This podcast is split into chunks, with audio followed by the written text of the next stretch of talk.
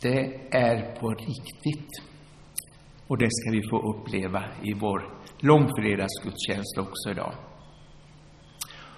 Och därmed välkomna till vår långfredagsgudstjänst. En bibelvers från Psaltarpsalmen 22. Det är detta Jesus citerar när han hänger på korset och ropar ut i förtvivlad smärta. Min Gud, min Gud, varför har du övergivit mig? Jag ropar förtvivlat, men du är långt borta. Också det var på riktigt. Och han bar själv sitt kors på väg ut till den plats som kallas huvudskalleplatsen, på hebreiska Golgata. Där korsfäste de honom, och tillsammans med honom två andra, en på var sida och Jesus i mitten. Pilatus hade också låtit göra ett anslag som sattes upp på korset. Där stod Jesus från Nasaret, judarnas konung. Det anslaget läste många judar eftersom platsen där Jesus korsfästes låg nära staden och texten var skriven på hebreiska, latin och grekiska. Då sa judarnas överstepräster till Pilatus Skriv inte judarnas konung, utan skriv att han har sagt sig vara judarnas konung. Pilatus svarade Vad jag har skrivit, det har jag skrivit. Soldaterna som hade korsfäst Jesus tog hans kläder och delade dem i fyra delar, en åt varje soldat. Också livklädnaden tog de, men den var utan sömmar, vävd i ett enda stycke, uppifrån och ända ner. Därför sa de till varandra, vi ska inte skära sönder den, utan kasta lott om vem som ska få den. Ty skriften skulle uppfyllas. De delade mina kläder mellan sig och kastade lott om min klädnad. Så gjorde nu soldaterna.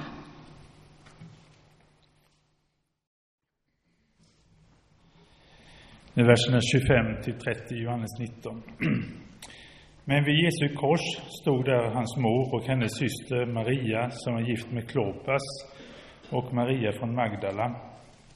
När Jesus såg sin mor och bredvid henne den lärjunge som han älskade, sa han till sin mor, Kvinna, där är din son. Sedan sa han till lärjungen, där är din mor. Från den stunden hade hon sitt hem hos lärjungen. Jesus visste att nu var allt fullbordat och för att skriftordet skulle uppfyllas sa han, jag är törstig. Där stod ett kärl som var fyllt med surt vin. De satte därför en svamp som doppats i det sura vinet på en isopskälk och förde den till hans mun. När Jesus hade fått det sura vinet sa han, det är fullbordat, och han böjde ner huvudet och överlämnade sin ande. Eftersom det var förberedelsedagen och kropparna inte fick hänga kvar på korset under sabbaten, det var en stor sabbat, bad judarna Pilatus att de korsfästas benpipor skulle krossas och kropparna tas bort. Soldaterna kom därför och krossade benen på den som var korsfästa tillsammans med Jesus, först på den ena och sedan på den andra. Men när de kom till Jesus och såg att han redan var död krossade de inte hans ben, utan en av soldaterna stack upp sidan på honom med sin lans, och då kom det ut blod och vatten. Den som såg det har vittnat om det för att också ni ska tro. Hans vittnesbörd är sant, och han vet att han talar sanning. Detta skedde för att skriftorden skulle uppfyllas Inget ben skall krossas på honom. Och på ett annat ställe heter det, de ska se på honom som de har genomborrat.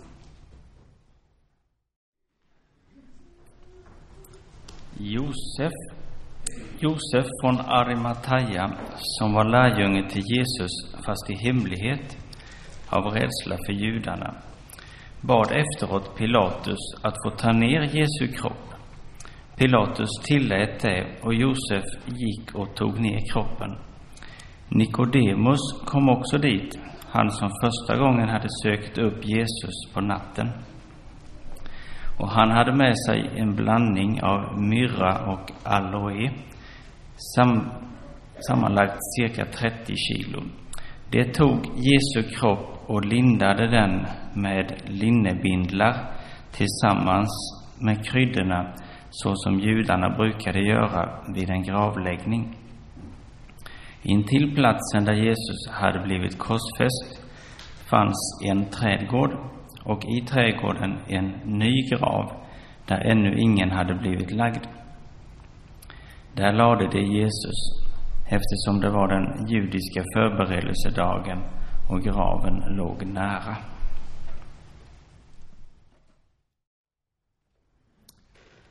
Långfredag. En eh, god fredag kallas den i stort sett över större delen av den kristna kyrkan i vår värld. En god fredag. Vi kanske ska börja och bestämma dagordning för den här fredagen. Man börjar ju ibland samlingar att man ska besluta om dagordningen. Så att man följer rätt ordning. Det fanns många dagordningar den här goda fredagen. Först var det folkets dagordning. De gillade ju högtid. De gillade ju fest. Folket gillade när det hände någonting. Men man ville gärna stå på avstånd. Man ville inte gå för nära. Och därför kunde man ibland ropa Hosianna och vara med i skaran. Och ibland så kunde man stå där på avstånd och så ropade man istället korsfäst. Man vill inte gå för nära. Och samtidigt så ville man ju ha en kung som skulle kunna befria dem. Men eh, samtalet kanske var, men om nu han kom på en åsna, den där Jesus från Nasaret, så kan han väl ändå inte vara våran kung? Och mitt i eh, allt det som hände den där stora högtiden när det var så mycket folk. Man älskade ju skådespel på den här tiden.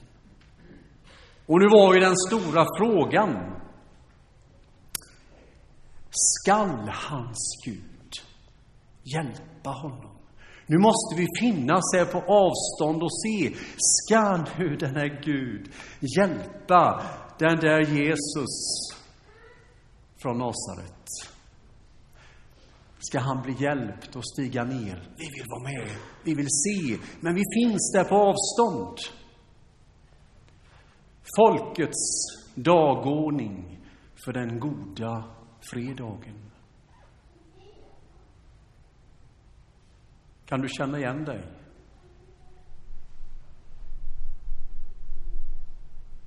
Man vill gärna vara med när det händer något.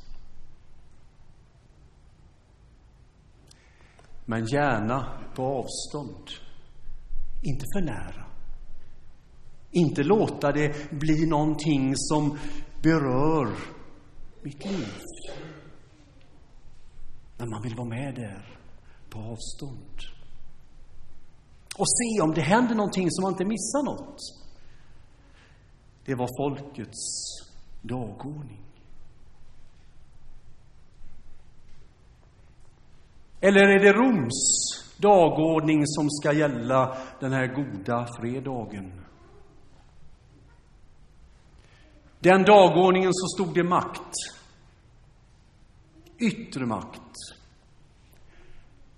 Man hade slagit ner varenda Messias gestalt fram till dess. Därför att det var inte få. som sa sig vara Messias i det här historiska sammanhanget. Man hade med makt ställt undan många som hade sagt sig vara Messias. Därför att man visste på dagordningen att man kunde fria eller fälla. Det var Roms dagordning. Makten. Det ord som gällde, det skulle gälla. Men ändå så finns det i maktens boningar hos Pilatus en fråga. Och det kan man ge honom lite kredit för. Roms makt, den här goda fredagen, när han ställer frågan. Vad har han gjort för ont? Vad har han gjort för ont?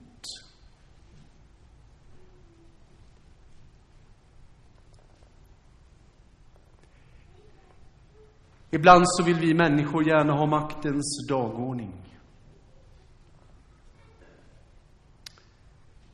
Eller ska vi välja översteprästernas dagordning på den här goda fredagen? De skriftlärdes, fariseernas dagordning. De som kunde sin, eh, sin religion, de som kunde reglerna, buden. De som visste att Messias skulle komma. Även om bilden hade förvrängts för många. Man väntar sig inte en sån Messias som Jesus från Nasaret. Och därför så blev det för prästen och fariseernas dagordning, vi måste få bort honom. Han säger sig vara Gud. Och så försöker man gång på gång att få fram vittnesmål mot denne Jesus. Överste prästerna och hela rådet sökte få fram vittnesmål mot Jesus för att kunna döma honom till döden, men det lyckades inte. De klarar inte riktigt av sin dagordning, överste prästerna, den där, den där gången.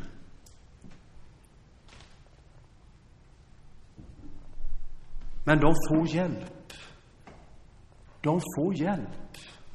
Och vem är det som hjälper dem? Vem är det som går in och hjälper översteprästerna och fariseerna när de ska göra sin dagordning? Jo, Jesus.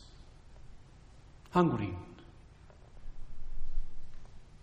Och så precis som igår, i texten som finns i Markus evangeliet, förhöret inför rådet, så säger Jesus, det är jag. Vi vet att det finns många jag är-ord i Nya testamentet som är Guds namnet. Jag är livets bröd. Och så vidare. Ni vet, när Moses frågade vilket namn ska jag säga? Och när Gud, hans far, säger Säg jag är. Och så vet hela det judiska folket om Guds namnet. Och i vår svenska text, i det här sammanhanget, precis som det jag nämnde igår, så byter ju orden ordning. Och i den svenska texten så säger Jesus, när man inte hittar några vittnen mot honom. Det är jag. Men Jesus säger i de grekiska orden, jag är. Jag är. Och det skulle varit spännande att vara med. Därför att de visste ju om Guds namnet. Men ändå, ändå så sliter överste prästen sönder för hans dagordning stämmer inte över Jesus. Trots att han säger sitt namn. Trots att den treenige guden stiger fram och säger Jag är.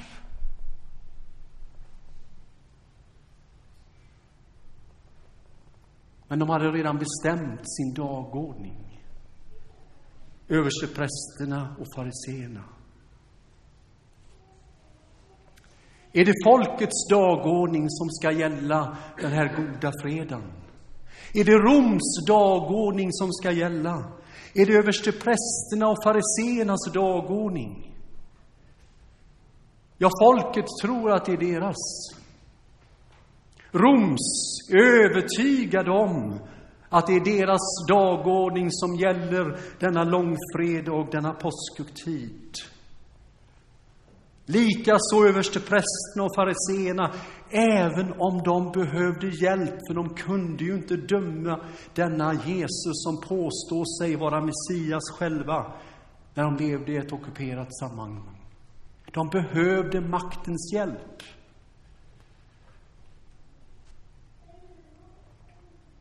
Men det fanns, det fanns en dagordning till.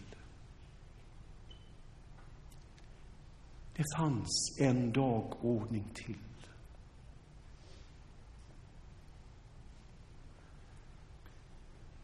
Och så säger Jesus på korset. Det är fullbordat.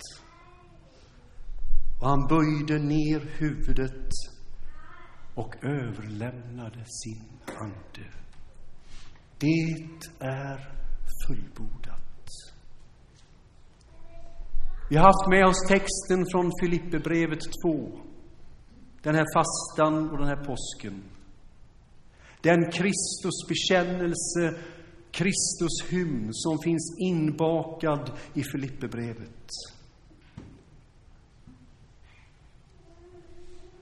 Han som avstod från allt och antog en tjänares gestalt och blev som en utav oss och så vidare. Och så har vi sagt varandra den här veckan att Guds vilja är att vi ska bli lika Kristus. Inte några övermänniskor, utan vi ska bli lika Kristus i att vara sanna människor. Det som han skapade oss till. Och det som han vill att i nuet vi ska förvandlas till. Och det som vi en dag fullt ut ska bli lika Kristus. Och det är Guds vilja med ditt och mitt liv att vi ska bli lika Kristus. Och så har vi gett några exempel i tisdags att bli lika Kristus i hans tjänande. I onsdags att bli lika Kristus i hans ödmjukhet. Och igår att bli lika Kristus i hans uppdrag.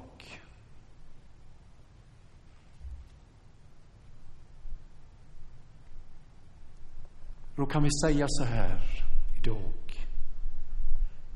Att han vill att vi ska bli lika Kristus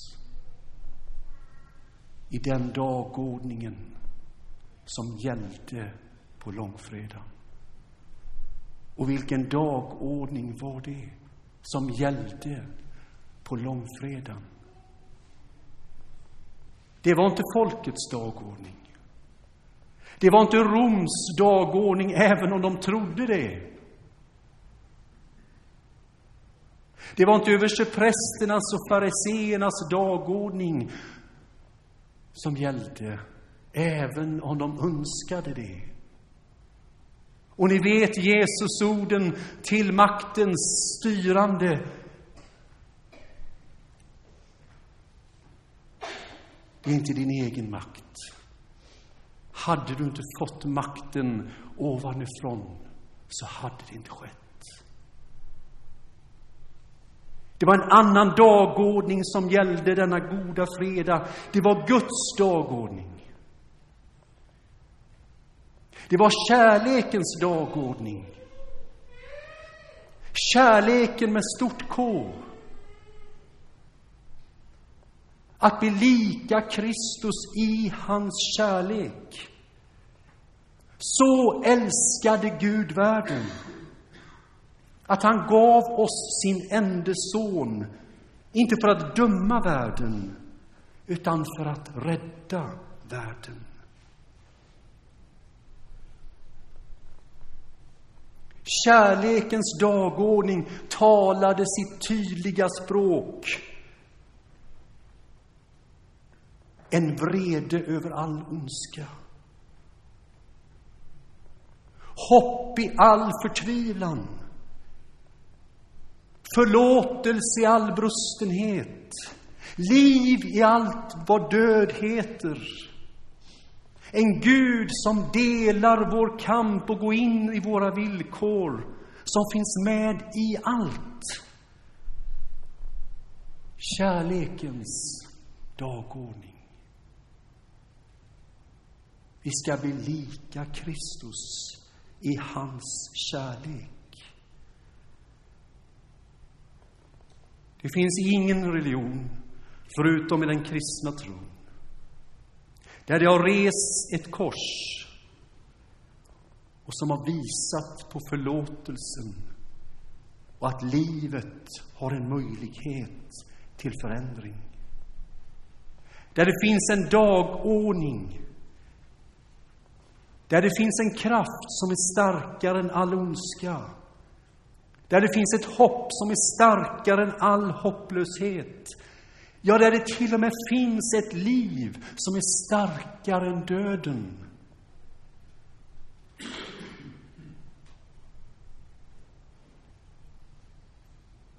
Och så vill Jesus att vi ska bli lika honom i hans kärlek. Att vårt livs dagordning skall kännetecknas av den kärleken. Och i eh, ett av breven så, så ber Paulus så här. Att Kristus genom tron kan bo i era hjärtan med kärlek, stå fasta och vara stadigt rotade i honom, så att ni tillsammans med alla de heliga förmår fatta bredden, längden och höjden och djupet och lära känna Kristi kärlek som är väldigare än all kunskap, tills hela Guds fullhet uppfyller er, han som verkar i oss med sin kraft. Att lära känna den kärlek som är så vid, som är så hög, som är så djup. Så den omsluter hela vår livssituation och hela vår värld. En kärlek som älskar oss med evig kärlek. En Gud som inte kan annat än älska oss. Och vi hörde en text i en sång förra söndagen. Guds kärlek så vid som oceaner. Hur kan du motstå den människa? Hur kan du motstå den kärlek som är så gränslös? Han som älskar oss med evig kärlek och som finns där alltid vid vår sida. Därför att i mötet med han som är så blir vi älskade och sedda. Och vi vill ge kärleken vidare. Därför är frågan och utmaningen till oss när vi ser dagordningen för den goda fredagen som var kärlekens dagordning, som var kärlekens makt, som gjorde skillnad för historien för varje människa och som förändrade vilken dagordning! Vilken dagordning väljer vi för vårt liv?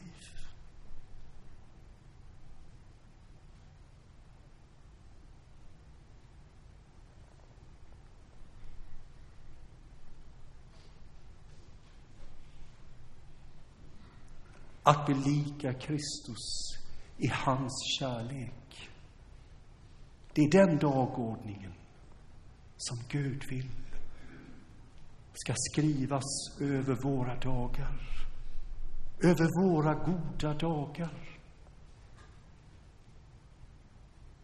Som ger hopp, som ger förlåtelse, som ger närhet, som ger engagemang.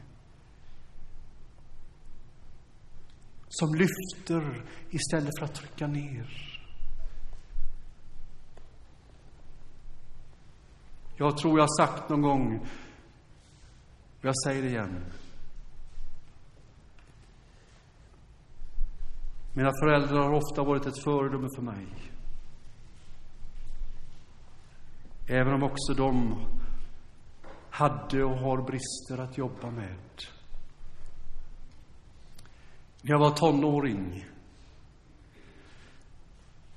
ni vet, man är inte alltid kanske så medveten på alla områden när man är tonåring.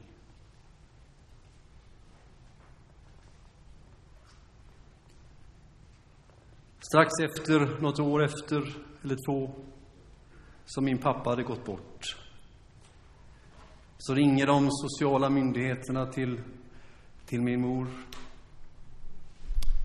Och så säger de,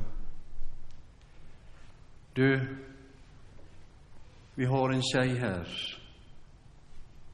som är utkastad, som är hatad. Hon behöver någonstans att bo.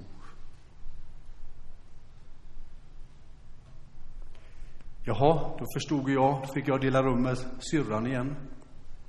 Det är ju inte alltid det bästa när man är tonåring. Och så kanske hon bodde där under en tid. Och så gick det en tid igen och så ringer de på nytt. Du, vi har en grabb som behöver någonstans att bo under en tid. Jaha, då kanske det var dags för Bo att flytta in i någon skrubb istället, eller någon sån här äh, större garderob vi hade. För att möjliggöra och så tror jag att det var under den perioden en fyra, fem stycken som under kortare eller längre tid. Och jag har sett och jag har läst och förstått efteråt att i kärlekens miljö Morsan kunde ha valt dagordningen. Du får skylla dig själv.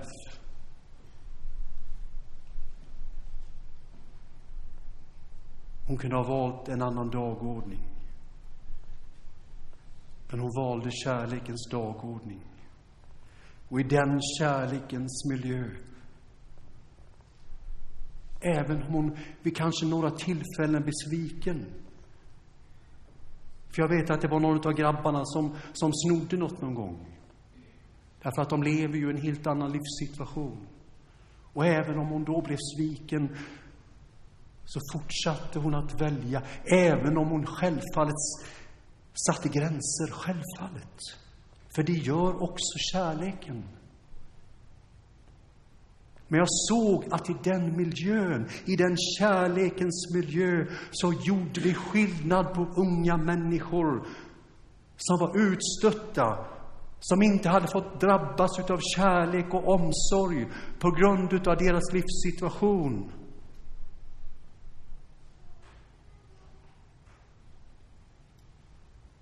Våra livssituationer ser olika ut. Våra uppdrag, våra uppgifter ser olika ut. Men vilken dagordning! Vilken dagordning är det som står över våra liv, våra dagar?